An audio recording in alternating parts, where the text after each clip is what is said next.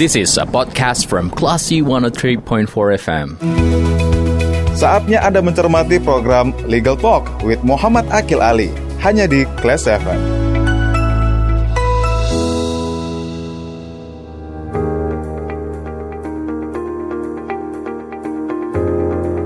Dari Bumi Kerang Putih Nerung Padang, untuk for Class FM, this is the actual radio. Assalamualaikum warahmatullahi wabarakatuh. Hai Class People, senang sekali saya Radhi Pradata bisa kembali menemani hari Jumat Anda kali ini di spesial program Legal Talk with Muhammad Akil Ali. Seperti biasa, program ini dipandu oleh saya Radhi Pradata dan juga ada narasumber kita, beliau ini adalah seorang advokat dan sudah beberapa kali memberikan uh, jangan tentang hukum juga nih ya Class People berkaitan dengan uh, beberapa kasuistik yang terjadi ataupun pertanyaan-pertanyaan yang muncul ya. Ada Bang Muhammad Akil, kita sapa dulu di line telepon itu sudah tersambung bersama kita. Assalamualaikum Bang Akil. Waalaikumsalam warahmatullahi wabarakatuh.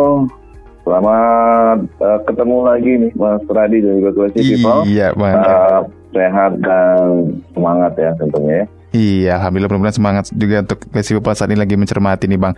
Uh, Bang Akil, kalau seperti di pertemuan-pertemuan kita sebelumnya kita mengajak Classy People untuk bertanya gitu ya Bang ya dan kebetulan juga hmm. sudah ada pertanyaan yang masuk ke WhatsApp Classy FM di minggu lalu dan ini, kita bahas di minggu sekarang ini berkaitan dengan uh, hukum waris nih sepertinya nih Bang.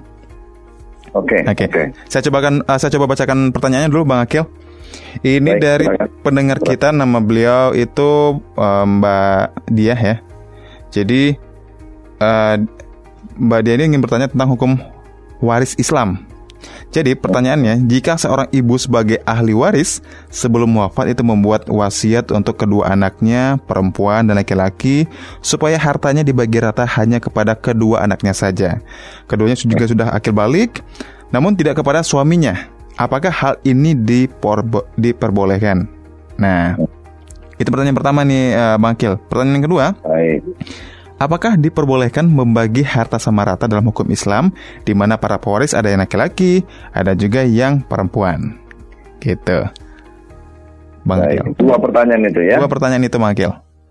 Baik. Terima kasih kepada uh, penanya Ibu uh, Dia yang telah memberikan pertanyaan di program acara ini. -hmm. Dan ini kita sudah ditanya soal waris ya, Mas Freddy ya pembahasan kita kemarin itu kan baru masih perkawinan gitu ya, Bang. Uh, uh, tentang perkawinan perceraian dan juga uh, terakhir kemarin soal bagaimana tata cara perceraian untuk pegawai negeri sipil. Baik. Mm -hmm. Untuk pertanyaan uh, pertama ini yaitu jika seseorang ibu ya uh, sebagai ahli waris sebelum wafat membuat wasiat hmm. untuk dua anaknya perempuan dan laki-laki agar hartanya dibagi rata hanya kepada kedua anaknya keduanya sudah akil balik namun tidak kepada suaminya gitu ya. Hmm. Iya bang. Hal tersebut diperbolehkan. Oke. Pertama yang harus kita uh, cermati ini adalah soal sisi kedudukan ya Mas Radi. Ini dari pertanyaan ini kan di kan bahwa ibu sebagai ahli waris. Iya bang. Ini kan kita harus jelaskan dulu maksudnya apakah ini si ibu itu adalah ahli waris dari pembagian harta waris sebelumnya hmm. dari dari keturunan dia atau bagaimana ini sebenarnya terhadap harta waris yang pernah ia dapatkan dari bapaknya atau dari ibunya misalnya hmm. apakah panjang hanya terkait dengan harta yang berasal dari waris tersebut atau memang harta yang diperoleh selama masa perkawinan atau harta yang ada pada uh, penguasaan si ibu dan si bapak ini. Ini kan juga tidak dijelaskan. Karena kita harus bedakan Mas Radi. Kalau hmm. kalau sebagai orang yang mewariskan harta waris kepada para ahli waris itu disebut sebagai pewaris. Pewaris, oke. Okay bukan bukan ahli waris. Hmm. Ahli waris ini justru adalah orang yang menerima bagian waris. Itu. Ini dulu yang mau saya coba clearkan ya. Hmm. Tetapi okay, kalau kita asumsikan bahwa si ibu ini adalah orang yang meninggal, maka posisi hukumnya bukan sebagai ahli waris, tapi dia harusnya sebagai pewaris. pewaris. Orang yang okay. uh, orang yang mewariskan harta waris kepada para ahli warisnya. Hmm. Nah, kalau sekiranya si ibu ini telah membuat wasiat, iya, dalam hal bahwa dia membagikan harta itu pertama sama rata hmm. kepada anak laki-laki maupun perempuan. Hmm. Kemudian dalam wasiatnya juga tidak memperkenankan uh, suaminya memperoleh uh, bagian dari harta waris tersebut, maka jawaban saya pertama soal apakah boleh dibagi rata. Nah, menurut ketentuan uh, kompilasi hukum Islam ini di pasal 183 ya, Mas Randi, itu disebutkan para ahli waris itu dapat saja bersepakat melakukan uh, perdamaian dalam pembagian harta warisan Hmm. setelah masing-masing menyadari bagiannya, gitu loh. Jadi seseorang itu atau beberapa orang bersepakat untuk membagi harta waris sama rata itu boleh saja kalau Oke. sebelumnya di Hmm. antara mereka itu sudah tahu bagiannya masing-masing. Nah, saya, Mas Randi sama adik perempuan tahu Hmm. bagian dulu nih kan, Iya, berdua. iya bang. Adik perempuan juga tahu bahwa dia bagiannya lebih kecil dari kita berdua. Nah, kalau kita menyadari bahwa sebenarnya bagian kita lebih besar dari adik kita, tapi kita bersepakat untuk mau membagi sama rata, boleh. Itu menurut pasal 183. Hmm. Tetapi kalau ini diwasiatkan lebih dulu Hmm. oleh si ibu sebelum meninggal bahwa hartanya uh, harus dibagi dua sama rata itu kan. Maka pertanyaannya kembali kepada anak-anaknya ini. Apakah anak-anaknya ini sudah tahu, sudah mengerti berapa bagian mereka sebenarnya masing-masing. Kalau mereka sudah menyadari ini, kemudian mereka ikhlas menerima pembagian wasiat dari si ibu, itu sah-sah saja menurut hukum. Nah itu dulu soal wasiat bahwa uh, ini akan diberikan sama rata kepada anak laki-laki dan anak perempuan. Yang kedua, apakah diperbolehkan untuk tidak membagi waris kepada suaminya atau ayah dari anak-anaknya ini? Hmm. Jawabannya kalau menurut hukum ya tidak boleh berwasiat seperti itu. Oh. Tidak boleh membagikan hartanya itu kepada uh, si suami. Kenapa pertanyaannya? Kenapa? Kalau ini adalah harta waris ya artinya memang sudah bercampur harta Hmm. antara Hmm. si suami dan si istri. Tidak ada perjanjian uh, pranikah, tidak ada perjanjian sebelum sebelum kawin ya yang yang membedakan antara uh, harta suami dan harta istri. Itu sah-sah saja kalau dikatakan bahwa suaminya tidak dapat. Tapi kalau nggak ada perjanjian prakawin, maka Mhm. bercampur harta, si suami nggak boleh di apa dianulir ya Mhm. hak waris oleh si istri. Bahkan eh, bahkan ketika Oke. suami istri ketika suami istri istri meninggal lebih dulu, maka eh, harta yang ada itu dibagi dua dulu Mas tadi. Hmm. Oke bang. Dibagi dua dulu. Jadi ketika suami istri istrinya meninggal atau Hmm. suaminya meninggal Hmm. gitu ya. Salah, salah satu meninggal. Maka pasangan yang lebih lama hidup itu Hmm. mendapat setengah dulu harta gunung gini. Oke. Jadi 100% harta yang ada itu bagi dua dulu. 50% 50%. Hmm.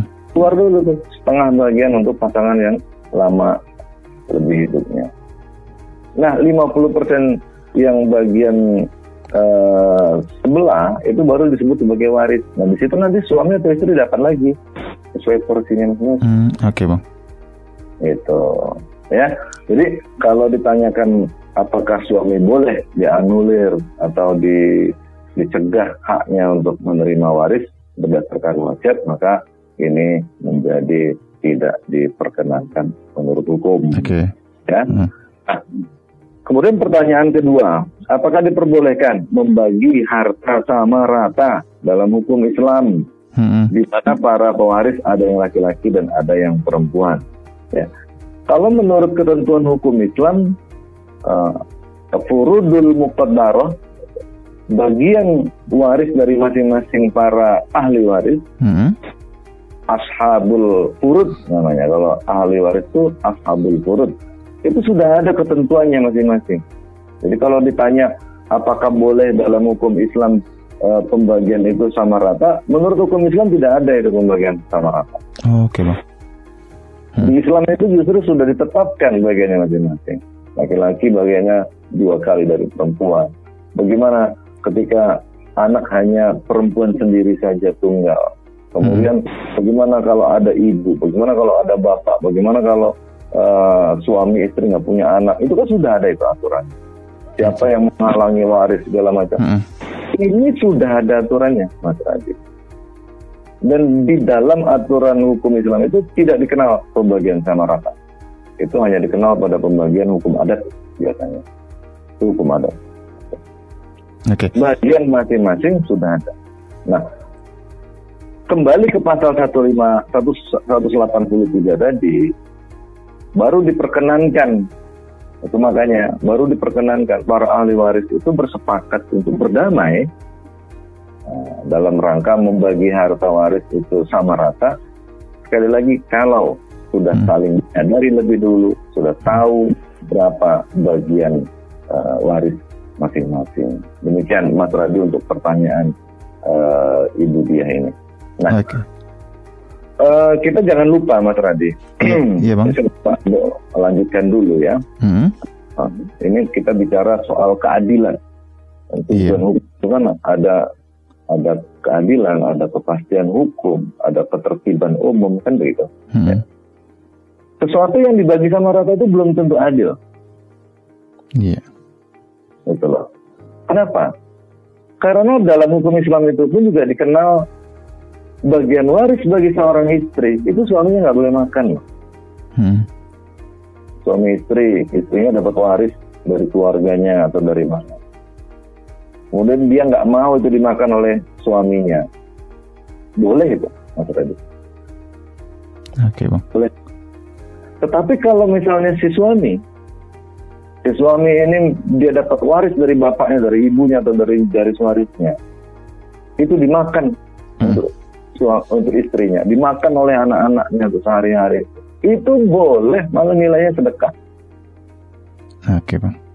Hmm. Itu loh. Itu makanya bagian laki-laki lebih besar karena tanggung jawabnya lebih banyak. Hmm. Gitu. Okay. Apa kok dibikin seolah-olah ada bagian-bagiannya dan itu kemudian keadilan harus rata. Tidak, tidak, yeah. tidak perlu keadilan itu harus dibagi rata. Oke, Bang Akil. Nah kalau tadi kita balik lagi ke wasiat nih Bang, berarti kan uh, kalau dari pertanyaannya Mbak Dia ini uh, wasiat dari si ibu ini bisa dikatakan bata, batal karena hukum dan sebenarnya kita juga tidak bisa membuat wasiat seperti itu juga gitu, menurut Bang Akil. Kita membuat wasiat itu bisa membuat wasiat apa saja pun bisa dibikin sebagai wasiat. Oke. Okay berlakunya sebuah wasiat itu kan kalau keadaannya apabila si pembuat uh, itu sudah meninggal dunia baru jatuh hukumnya hmm. gitu loh baru jatuh hukumnya. hukumnya apa pun apa pun yang mau dia buat silakan buat orang mau meninggal itu kadang-kadang ya mohon maaf uh, karena mungkin dia menderita sakit atau kemudian menderita gangguan tekanan segala hmm. macam hmm Uh, akhirnya itu mempengaruhi dirinya untuk berbuat tidak adil kepada yang lain. Oh, Jadi okay. dia merasa bahwa selama sakit ini yang merawat hanya Mas Radi. Iya. Yeah, uh. Yang lain tidak mempedulikan dia. Dibawa campur adukannya hati itu, perasaan itu. Uh, iya bang. Sehingga dia tutup bagian saya sebagai abangnya Mas Radi misal. Hmm. Itu kan itu kan juga tidak diperkenankan menurut hukum. Tetapi kalau sekiranya uh, si ibu itu mau menuliskan itu sebagai wasiat, itu silahkan saja. Oh, Oke. Okay. Tetapi ketika saatnya berlaku, ketika uh, si pem pemberi wasiat ini meninggal dunia, baru berlaku hukum itu. Nah kemudian barulah dikenal di sana mengikat atau tidak dapat dilaksanakan mm -hmm. atau tidak. Jangan-jangan kan non eksekutorial tidak bisa dijalankan karena melanggar yeah. hukum. Hmm. melawan. Iya, iya. Nah, gitu. Jadi kalau soal berwasiat itu siapa pun atau apa pun boleh diberi. Gitu. Hmm. Tetapi ingat uh, ketika nanti berlaku pertimbangkan bisa nggak nanti dijalankan. Dijalankan gitu ya bang ya. Begitu. Oke okay, baik. Nah itu kan jawaban dari pertanyaan dari uh, Mbak Dia ini ya Bang Akil ya dan hmm. kemudian muncul beberapa rentetan pertanyaan lanjutan sebenarnya di Bang berkaitan dengan hukum waris ini. Tapi nanti kita bahas hmm. di sesi kedua Bang Akil. Silakan. Oke, okay. kita rehat dulu Classy Popol. Nah, untuk Anda yang ingin mengajukan pertanyaan seputar kasuistik yang saat ini sedang Anda jalani Classy Popol apalagi berkaitan dengan hukum keluarga, Anda bisa langsung tanyakan ke pakarnya. Ada Bang Muhammad Akil Ali, beliau ini adalah advokat di Jakarta. Anda bisa tanyakan seperti apa kasus-kasus yang saat ini sedang Anda alami dan bisa WhatsApp langsung ke Classy FM di 0812660134 atau bisa juga DM di Instagram @classfm. Nah, kalau seandainya Anda merasa uh, kasus Anda ini agak sensitif dan tidak mau dipublikasikan uh, nama identitas Anda, silakan kita akan jaga kerahasiaan identitas si penanya juga tentunya. Dan obrolan kita seputar hukum waris ini Klesi Popol berkaitan dengan kasus yang ditanyakan oleh Mbak Dia tadi akan kita lanjutkan setelah yang satu ini dulu. This is a podcast from Classy 103.4 FM. Legal Talk with Muhammad Akil Ali.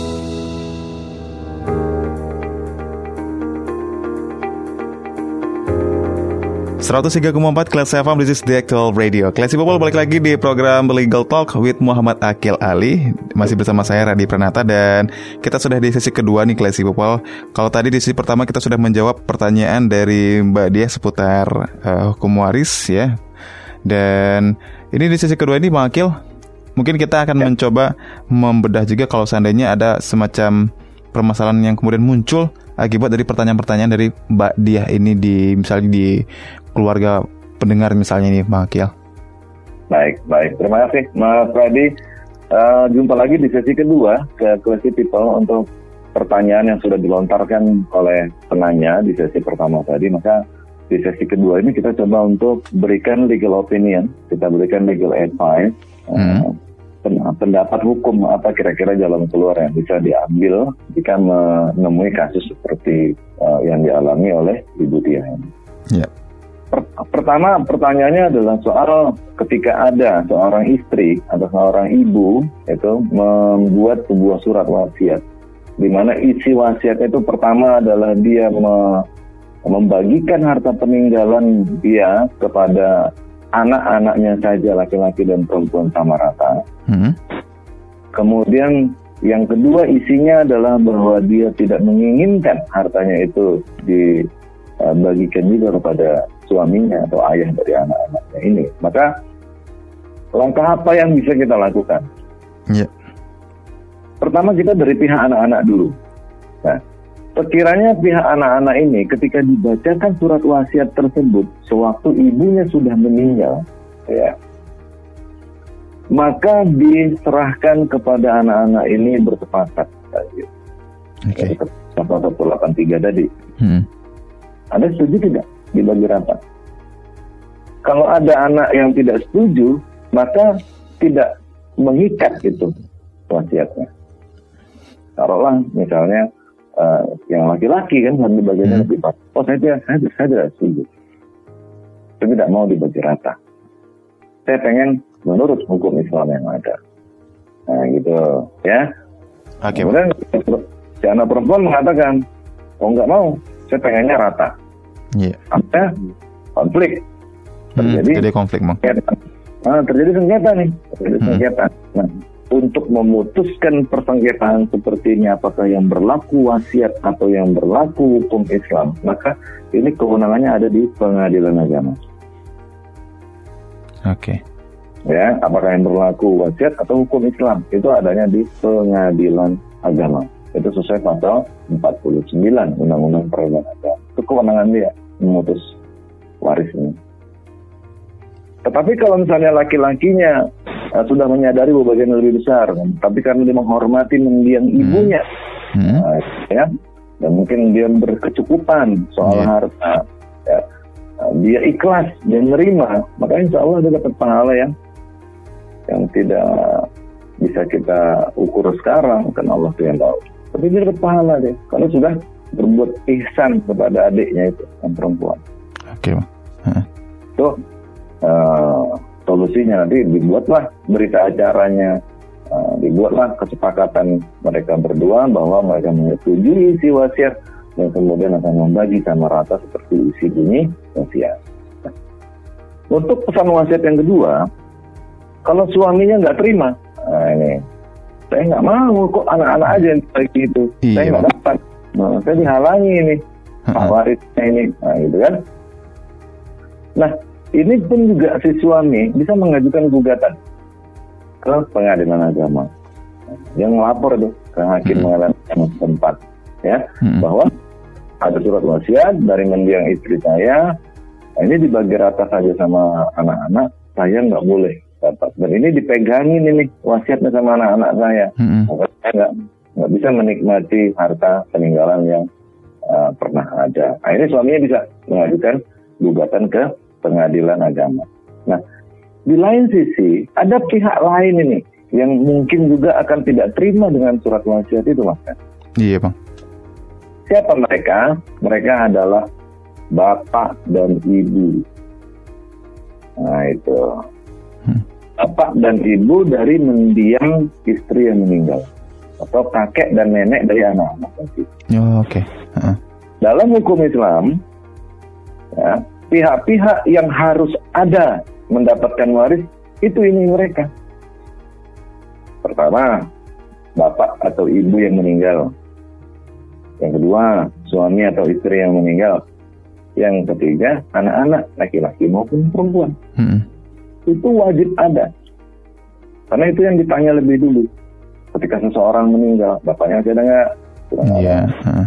Ibunya masih ada nggak? Sudah meninggal. Karena kenapa? Bapak dan ibu itu berhak mendapatkan waris dari anaknya. Nah, kemudian baru pertanyaan, ini ada ada suaminya tidak? Kalau yang meninggal perempuan. Ini yang meninggal laki-laki, ada ada ada istrinya nggak? Kemudian ada anak tidak? Nah, keberadaan dari masing-masing orang ini itu menghalangi hak dari pihak sebelahnya Oke. adanya adanya anak itu menghalangi waris untuk paman dan bibi saudara Hmm. kandung dari si yang meninggal. Jadi kalau udah ada anak atau eh, keturunan dari pasangan suami istri itu Mhm. saudara kandung jangan pernah eh, bicara soal bagian waris dari Oke. kakaknya atau adiknya itu nggak bisa karena ada anak-anak. Tapi kalau misalnya pasangan suami istri ini tidak punya anak, nggak boleh ada yang menghalangi hak dari saudara kandung untuk mendapatkan bagian waris dari kakak atau adiknya itu. Oke. Itu nggak boleh. Mm-mm. Karena eh, anak itu menghalangi, meng- menghijab ya me- eh, hak waris dari paman atau bibi. Nah, ini juga harus dilihat nih dalam pertanyaan kasus yang dilontarkan tadi itu ya. Iya bang. Kem- Kemungkinan pihak lain yang keberatan dengan perkara ini bisa bisa jadi ada dari bapak atau ibu uh, mendiang istri yang uh, meninggal. Nggak boleh juga itu saudara-saudara kandung mengatasnamakan hak dari bapak ibu mencoba untuk menggugat juga nggak. Hmm, Oke. Itu nggak boleh karena harus bapak dan ibu itu sendiri yang menuntut.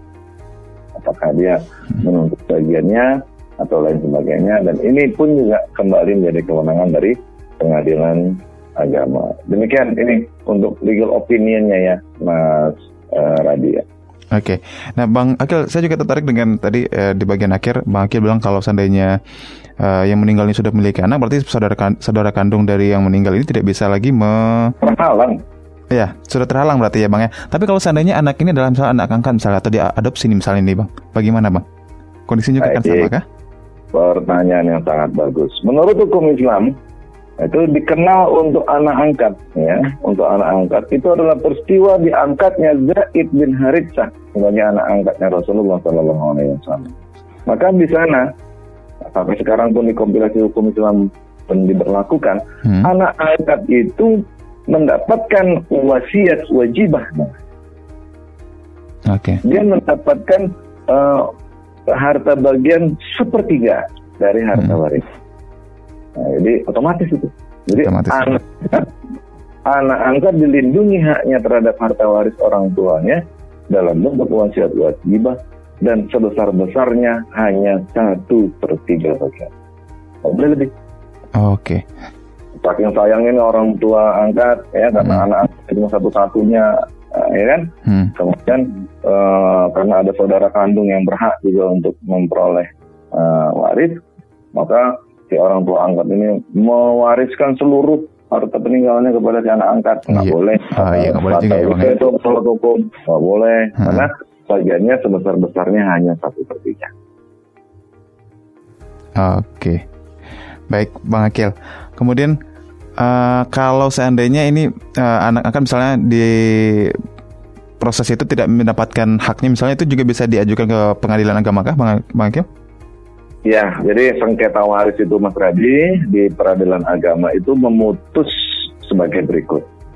Okay. Pertama, peradilan agama itu berwenang untuk memutus siapa pewaris hmm. dari uh, hukum kewarisan ini. Pertama ditetapkan dulu oleh hakim. Apakah betul uh, si istri ini atau ibu ini adalah seorang pewaris? Itu di, dimaksudkan adalah bahwa benar Nah, beliau ini sudah meninggal, kan dibuktikan hmm. di, nah, ini akta kematiannya, ini surat rumah sakitnya bahwa betul sudah meninggal orang ini. Hakim melihat saksi-saksi juga mendengar betul ibu ini sudah meninggal, betul. Tapi hakim menetapkan dulu karena dia hmm. sudah meninggal, hmm. maka dia betul adalah seorang seorang pewaris. Itu dulu yang pertama, menetapkan uh, siapa pewaris. Yang kedua, pengadilan agama itu akan menetapkan ashabul furud tadi, hmm. para ahli waris. Hmm. Nah, jadi siapa saja, siapa saja yang yang yang ditinggalkan mati oleh si mendiang. Oh ini ada ada suaminya Pak Hakim, hmm. anaknya laki-laki, ada anaknya perempuan, bapak ibunya sudah tidak ada, sudah hmm. meninggal dulu. Oke, itu ditetapkan okay, oleh hakim dulu hmm. bahwa mereka lah ahli warisnya, ya. Itu kan harus ada pembuktian lagi tuh, uh, akta kelahiran, hmm. buku dan seterusnya dan seterusnya. Nah, hal yang ketiga yang harus dimintakan kepada pengadilan untuk menjadi kewenangan dia itu adalah soal uh, furudul muqaddar bagian waris dari masing-masing pihak ahli waris yang tadi ditetapkan sebelumnya berapa bagian? Suami berapa bagiannya? Mm-hmm. anak laki berapa bagiannya? Anak perempuan berapa bagian? Bagian waris ditetapkan oleh pengadilan agama kemudian yang keempat pengadilan agama pun dimintakan juga kewenangannya untuk menetapkan tirkah. Nah, buat apa kita bicara ada pewaris, hmm. ada ahli warisnya, ada bagian waris. Kalau tirkahnya nggak ada, tirkah itu, itu ya harta warisnya. Harta warisnya, iya. oh iya kita kita sengketa ke pengadilan bicara soal siapa pewarisnya ini, kalau ahli warisnya siapa. Tapi ditanya hakim, harta warisnya ada nggak? Nggak ada pak. nah, ini kan juga, ini kan jadi kewenangan pengadilan agama. Iya, oke bang. Jadi tapi hakim akan lihat nah, betul nggak nih ada rumah, nah, rumahnya sertifikatnya atas nama siapa, diperoleh kapan, nanti asal usulnya bagaimana, itu di diteliti oleh hakim. Nanti hakim akan menetapkan, oh ya betul, ini adalah harta harta waris atau ini tir tirka. tirka. Nah, jadi inilah yang menjadi kewenangan dari pengadilan untuk ya untuk menyelesaikan perkara-perkara waris. Nah Uh, perlu juga saya sampaikan di sini ya, Mas Rabi. Iya, Bang.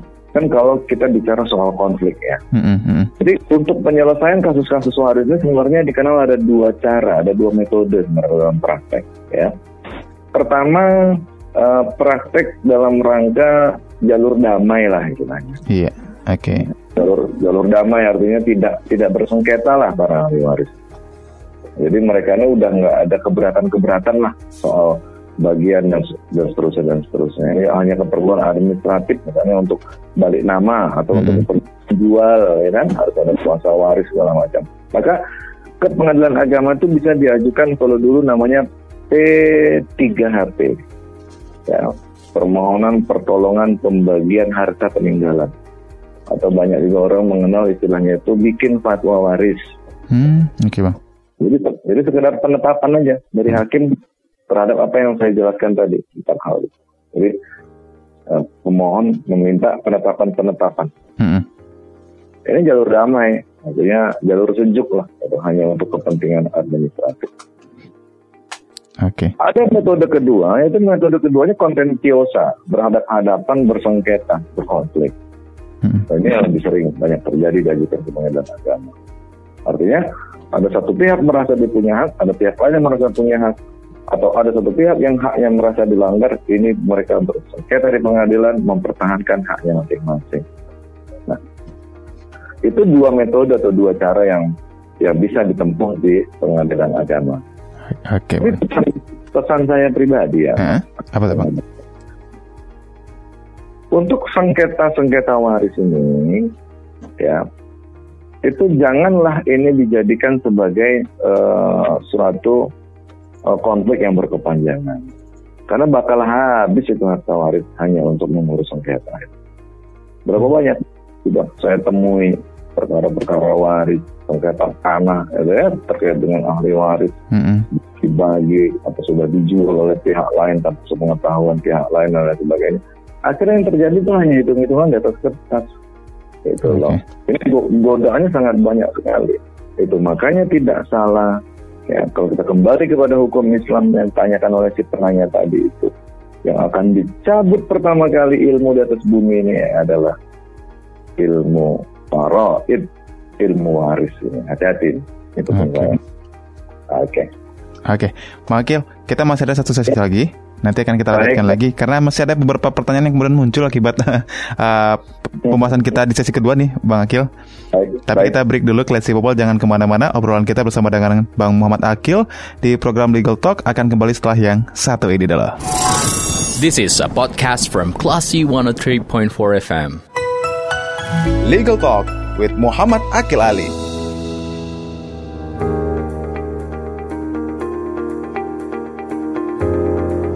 103,4 Kelas FM, this is the radio. Kelas FM kita sudah di sesi terakhir di program Legal Talk with Muhammad Akil Ali. Dan kita masih membahas mengenai hukum waris ya Dari pertanyaan yang kemudian kita kembangkan dari Mbak Dia.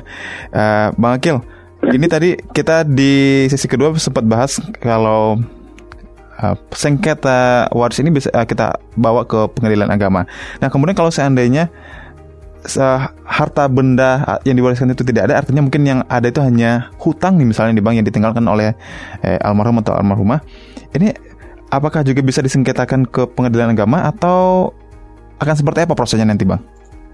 Baik, oh, pertanyaan bagus sekali nih Mas Radi ya. Uh, di atas muka bumi ini semua anak Adam itu meninggal pasti meninggalkan dua hal. Pertama hmm. meninggalkan ahli waris dan meninggalkan harta peninggalan itu pasti. Okay, nah, keadaan ketika adanya suatu uh, hutang yang terjadi pada seseorang yang meninggal, ini bisa jadi besar pasak pada tiang biasanya kejadiannya hmm. masa hidupnya.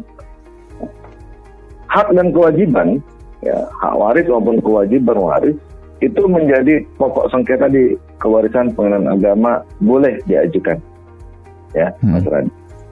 Jadi yang disebut sebagai harta waris itu bukan hanya harta waris yang bisa menjadi hak untuk diterima, tetapi juga merupakan kewajiban yang harus dibayarkan.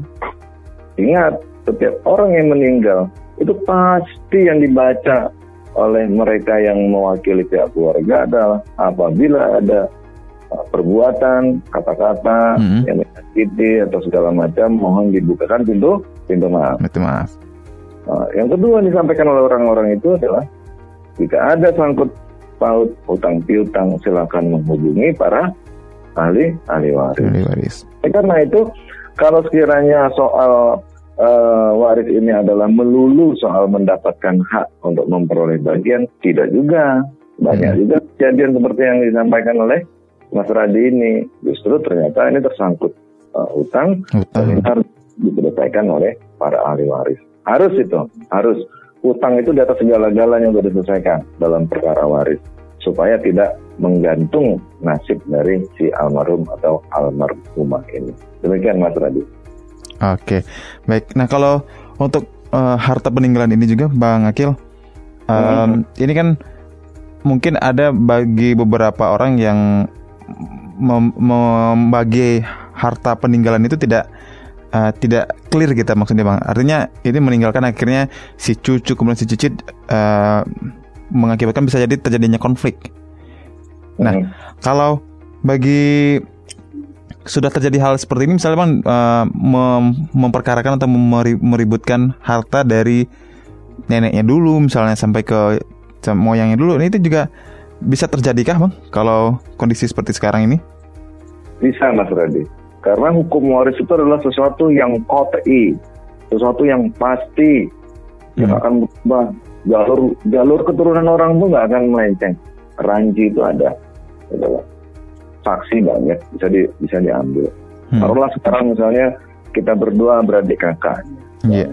meninggal nih kan uh, orang tua kita. Tetapi akibat kezoliman dari misalnya ya saudara kandung orang tua kita.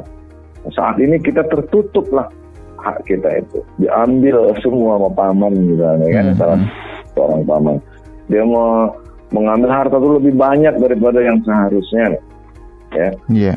dan kita kita berdua bersabar atau juga karena tidak ada kemampuan finansial untuk bersengketa nanti anak cucu kita di bawah itu masih bisa hmm. untuk share hak ya kita itu masih bisa oke okay.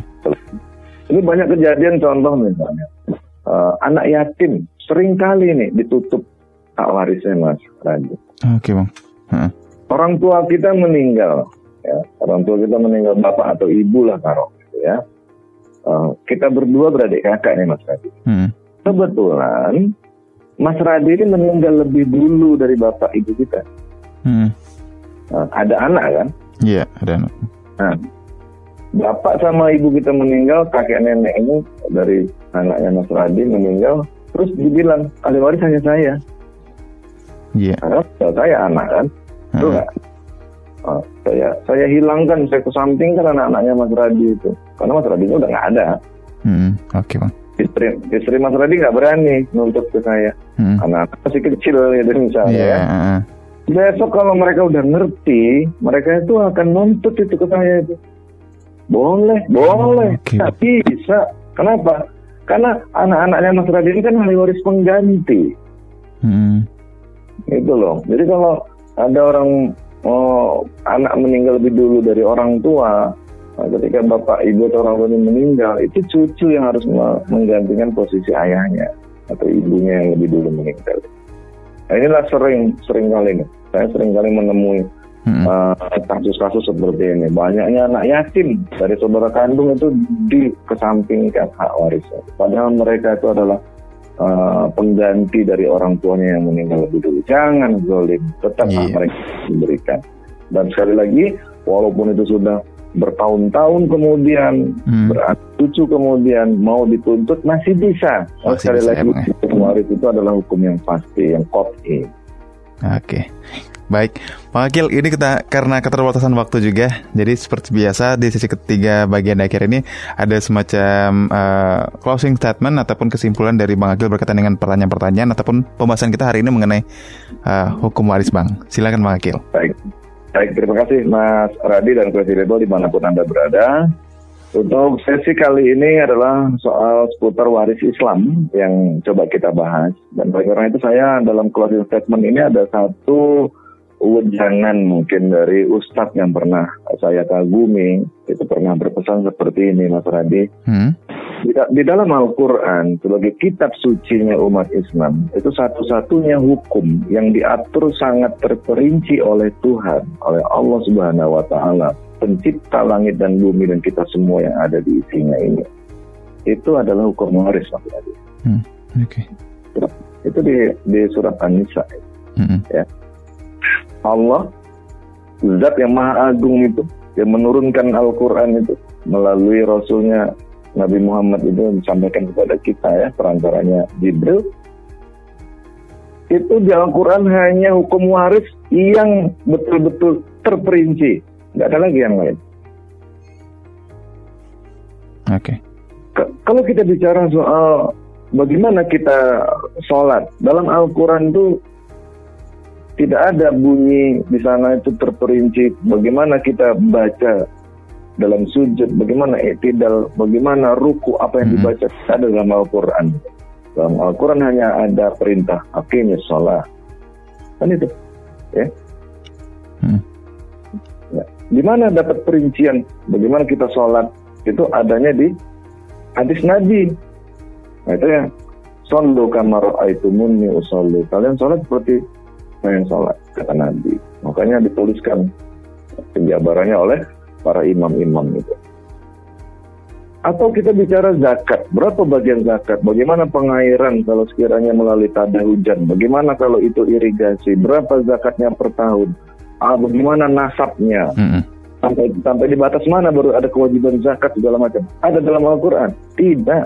Itu adanya hanya dalam hadis. Al-Quran hanya menyebutkan wa atuz zakah. Tunaikan zakat. Kata Allah itu. Tetapi hanya waris dalam Al-Quran yang betul-betul terperinci. Subhanallah. Ini saya ngomong ini betul-betul kaget saya waktu dapat ujangan dari Ustadz itu. Hmm. Banget. Itu jangan main-main dengan waris ini. Jangan main-main dengan waris ini. Ya. Karena inilah yang tertulis dalam kitab yang kita imani itu. Dan ini nggak boleh diselewengkan. Ini nggak boleh ditutup-tutup hak orang. Atau makanya banyak banyak istilah-istilah ya kita ini kita karena legal talk, makanya kita hmm. bicaranya kan legally saja. Tadi kan aja, banyak sumpah serapah orang berhadap harga waris ini. Akhirnya iya, apa sih? Salat, ya apa ya segala macam banyak dihubung-hubungkan dengan ini. Jadi uh, sekali lagi dalam closing statement ini saya berpesan kepada kelas people di mana pun berada. Yuk, ya, tegakkan hukum ini setegak-tegaknya, seadil-adilnya. Karena insya Allah di situlah letak keadilan. Karena ini adalah ciptaan Allah sendiri, ciptaan Tuhan kita. Ya. Hmm khusus untuk hukum Islam aja yang kita bahas pada periode ini kan pada yeah, ini kan. kali ini bang. Jangan, jangan jangan pernah diingkari, jangan pernah berpikir bahwa dibagi sama rata itu adalah sesuatu yang adil misalnya. Hmm. Atau misalnya ada lagi yang bicara bahwa oh gonogini itu nggak akan dikenal dalam hukum Islam, nggak ada itu gonogini. Semua peninggalan harus dibagi sesuai dengan hukum Islam. Nah ini jangan lagi karena semua itu sudah diatur, ada aturannya. Udah itu, itu udah selesai tahun 91 itu nggak usah lagi dibahas di depan peradilan. Artinya kita bicaranya hukum positif saja. Okay. Nah, jadi, nah sekali lagi itulah closing statement saya. Hmm? Sama-sama kita hormati penegakan hukum sesuai dengan apa yang sudah diatur oleh negara ini, terutama mengenai pemberlakuannya kompilasi hukum Islam. Demikian Mas Redi. Baik, terima kasih Bang Akil. Closing statement yang luar biasa juga dan ini benar-benar bisa mencerahkan lagi bagi Anda classy people yang mungkin selama ini juga memiliki kondisi ataupun problem yang sama dengan penanya kita tadi ada Mbak Dia ya berkaitan dengan hukum Islam. Nah, uh, sekali lagi kami bisa ingatkan bahwasanya Anda bisa mengajukan pertanyaan Anda uh, mengenai uh, kasuistik yang Anda alami seputar hukum keluarga ke Bang Muhammad Akil Ali. Beliau ini adalah advokat di Jakarta. Anda bisa tanyakan langsung ke beliau dan Anda bisa ajukan ke WhatsApp Class FM di 0812 660 1034 atau bisa DM langsung ke Instagram at Class FM. Nah kalau seandainya Anda merasa bahasanya kasus Anda ini agak sensitif dan Anda tidak mau uh, dipublikasikan identitas, tentu tentunya kerahasiaan Anda juga akan kami jaga ya. Dan sekali lagi terima kasih Bang Akil. Terima Selamat kasih juga. Mas Radi, tetap sehat dan tetap sehat. Oke, dan ketemu lagi di Jumat depan insya Allah ya Bang ya. Baik. Oke, kalau gitu kita berdua pamit Classy People. Assalamualaikum warahmatullahi wabarakatuh. And then, see you. Terima kasih. Anda sudah mencermati program Legal Talk with Muhammad Akil Ali. Tunggu pembahasan menarik lainnya dan untuk Anda yang ingin berkonsultasi, kirimkan pertanyaan Anda ke WhatsApp Class FM di 0812 660 1034 atau DM Instagram at Class FM. Identitas Anda sebagai penanya tentu akan kami jaga kerahasiaannya. This is a podcast from Classy 103.4 FM.